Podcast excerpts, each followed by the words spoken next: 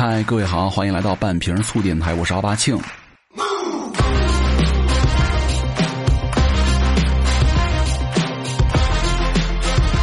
呃，之前看到一个博主发一段话，我觉得说的挺好的。他说：“这个生活怎么才算是热爱生活呢？”他说：“他喜欢交那些热爱生活的朋友，也算是自己的一种私心吧。因为对于这种平常，呃，会偶尔感觉到很丧的人来说呢，觉得热爱生活的人就像一个天使一样，对吧？比如说你们看他们发的状态哈，今天吃了什么呀？做了什么东西啊？什么阳台的花又开了几朵呀？”下雨天也好啊，阴天也好啊，反正都是非常平常的一些生活状态啊，就是感觉充满了活力。其实看到这种分享的状态，我觉得还有一种人哈，就是我挺喜欢那些在认真生活的人的。什么情况呢？就是比如说他们可以发现家里的墙面的一个漆不对了，能够再重新刷一遍房子的；还有那些为了能够吃到某样东西，可以愿意在城市里东奔西跑，或者干脆去另外一个城市去吃的作 精啊。呃，可能这些人呢，在我们的眼中看来，好像是与这个时代格格不入，是吧？但是呢，我觉得他们只要投入了生活，对吧？不投入群体，就是挺好的，我觉得哈。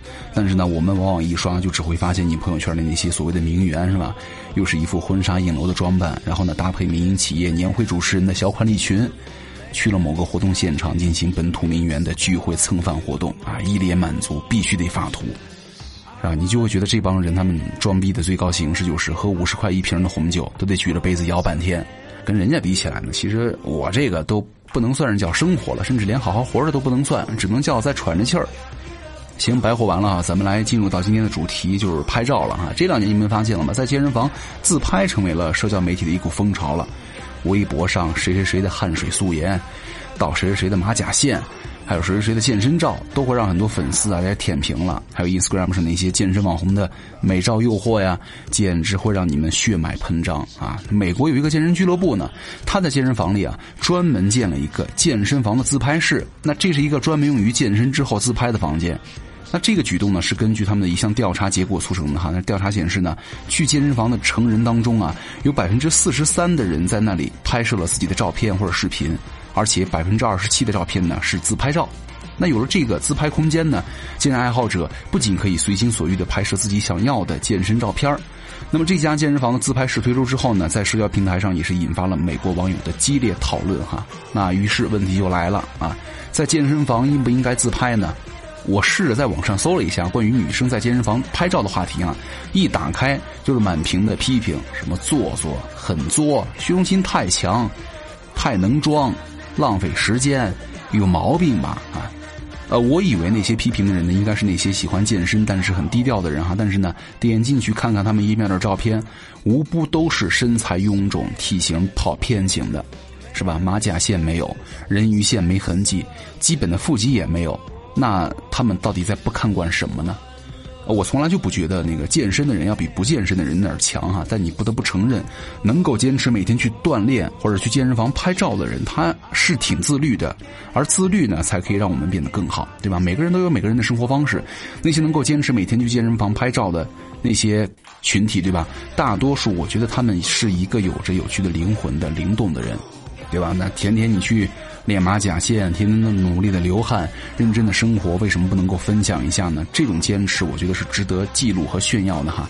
但问题来了啊，拍照是一个技术活你稍微一不注意啊，就会立刻让你从一米八变成一米五，前凸后翘的身材呢，被拍的是毫无训练痕迹，让人欲哭无泪啊。所以说，你看人家健身网红拍那种高逼格的健身照，你再看你拍的什么路人甲风格的自拍照，是吧？顿时兴趣全无。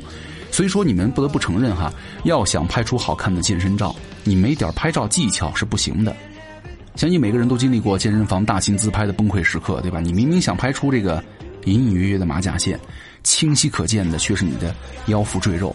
你希望你能够拍出一米八的即视感，什么逆天大长腿，但是呢，照片里你看起来好像是九五五身呢。你想拍出精神抖擞的傲人的臀部，但是呢，照片里他依然是垂头丧气、无精打采。所以说，你不过是想拍出一张优秀的健身房的自拍，然后呢，在累得不行的时候啊，发个朋友圈，靠点赞和哇你瘦了好多呀，哇太壮了，这样的欺骗你的留言去续命啊，真的有那么难吗？所以说，咱们今天就跟大家来聊一聊哈，如何让你们在健身房打开正确的拍照姿势，了解一下。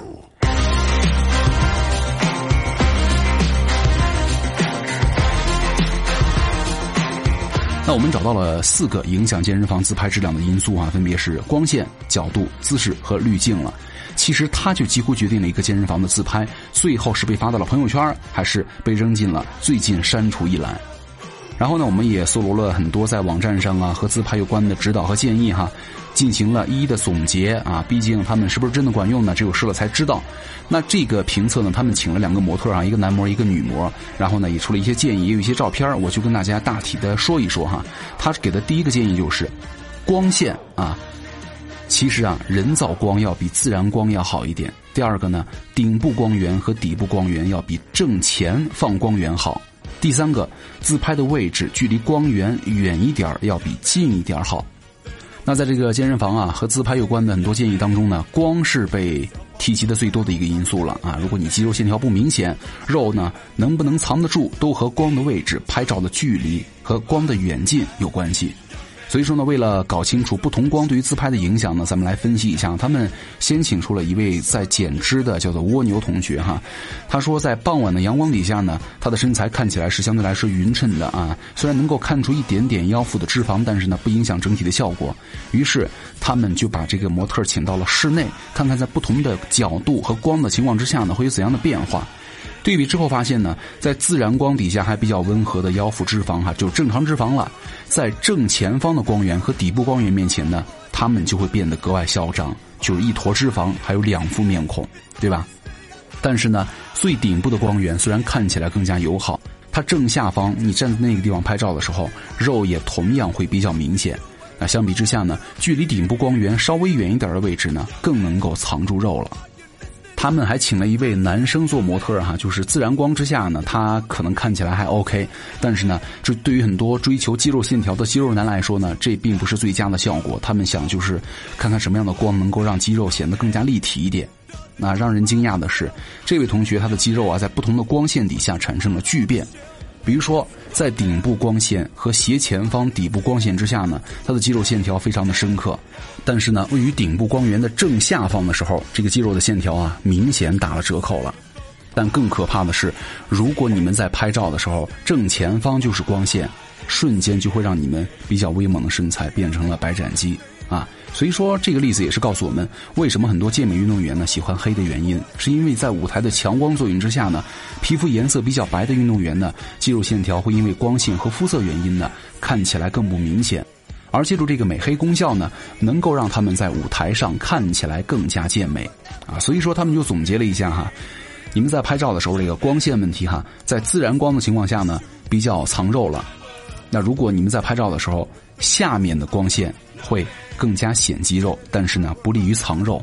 正前方的光线呢是不利于藏肉，也不利于显肌肉。那如果是顶部正下方的光线呢，不利于藏肉，但是呢更容易显肌肉。那么如果是顶部的光斜前方的话，是不利于藏肉，但是它是更加有利于显肌肉的。说完了光线，咱们再来说一说这个角度啊。常见的建议就是呢，角度越低，腿越长，肌肉越大。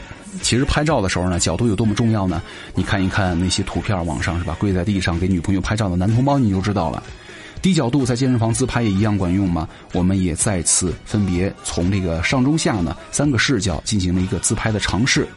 结果就是呢，你用上角度自拍的时候显腿长显瘦，但是呢不显肌肉；你用中角度自拍的时候呢，更加显腿长显瘦也显肌肉；你用下角度自拍的时候呢，也会显腿长显瘦显肌肉了。第三个就是姿势了。我们在拍照的时候呢，经常的建议就是吸气，身体呢不要正对镜头，角度可以稍微多一点。我们都知道拍照这事儿啊，你造型凹的好，美照拍到老，对吧？但是呢，你怎么去凹呢？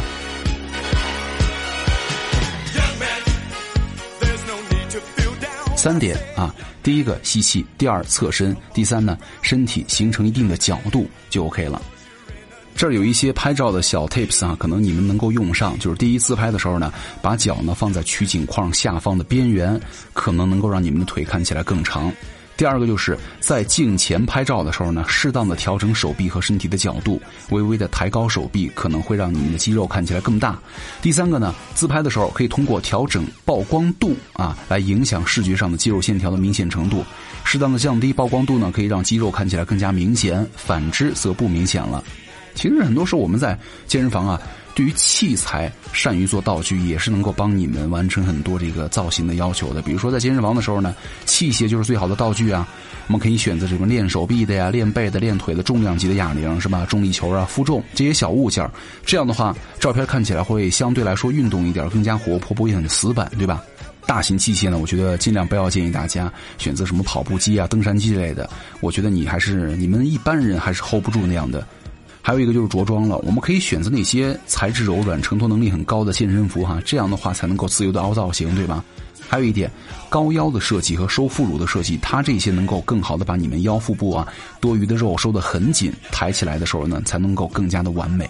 其实我觉得，呃，对于买健身服这事儿哈，好看的健身服它真的是可以促进你们对于健身的动力，能够露出腹部，每天你都可以检查你的腹部的线条的变化，督促你自己好好健身，对吧？你包括站位啊，咱们刚才也说了，你站的时候呢，把肩打开，挺胸收腹撅屁股，它一般就能够出现那些前凸后凹的身材了。很多时候我们看见那些网红啊。哇，在网上的一个照片上怎么这么厉害啊？但是呢，现实当中你觉得好像也没有照片那么夸张，是吧？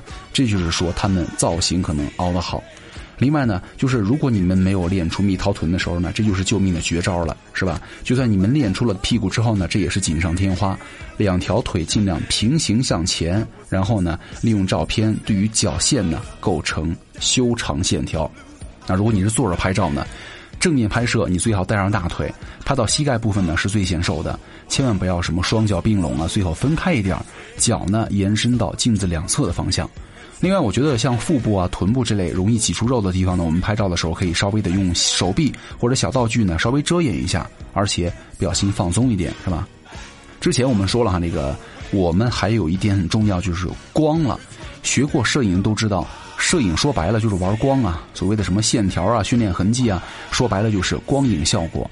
人体肌肉线条来说呢，就是有高中低调，也就是说身体上有着明显的亮的部分、正常部分和暗的部分了。那一般来说呢，亮的部分千万不要太多，在身体边缘呢就可以显得很壮、很有光泽。那暗的部分呢不用太多，那样的话可以显得有线条，而正常部分呢就会让你们的照片显得更自然了。然后还有一个修图小技巧，就是拍好之后呢，也不要着急发，你也得好好修一修，对吧？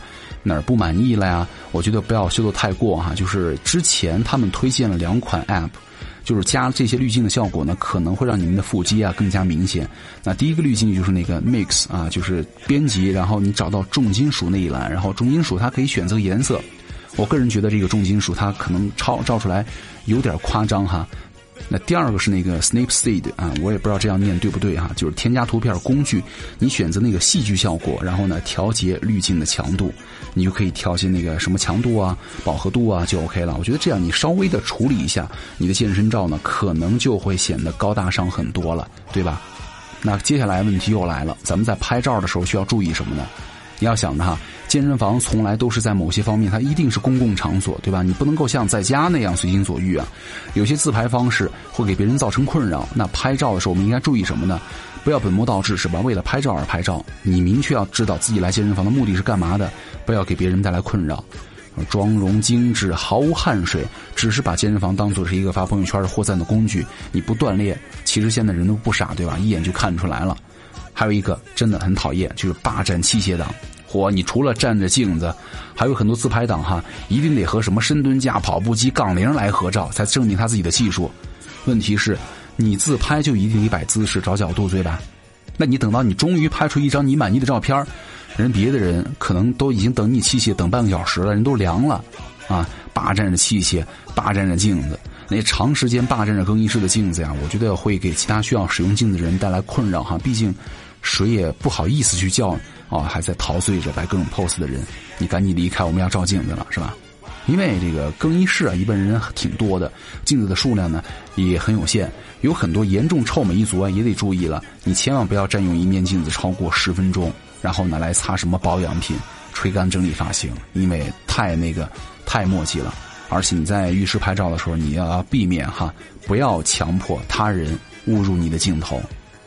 那今天就是大体讲了一下这个健身房拍照的事情啊。其实我觉得拍出高逼格的健身照呢，它不能够一蹴而就，平时我们可以在家里多实践、多练习、多总结，对吧？我知道很多人，呃，其实挺在乎别人的眼光的，因为很多人就像我一样，也不太好意思，人太多的话拍照，就是哎没人了，赶紧的偷着摸的拍两张，还生怕被别人看见，对吧？我觉得，呃，最重要的是什么呢？就是多撸铁了，勤练。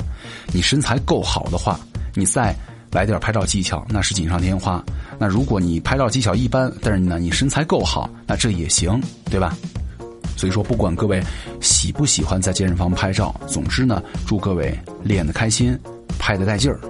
好，那今天节目就差不多了哈，我是奥巴庆，那想关注我也可以来找我微博奥巴庆，咱们下期见，拜拜。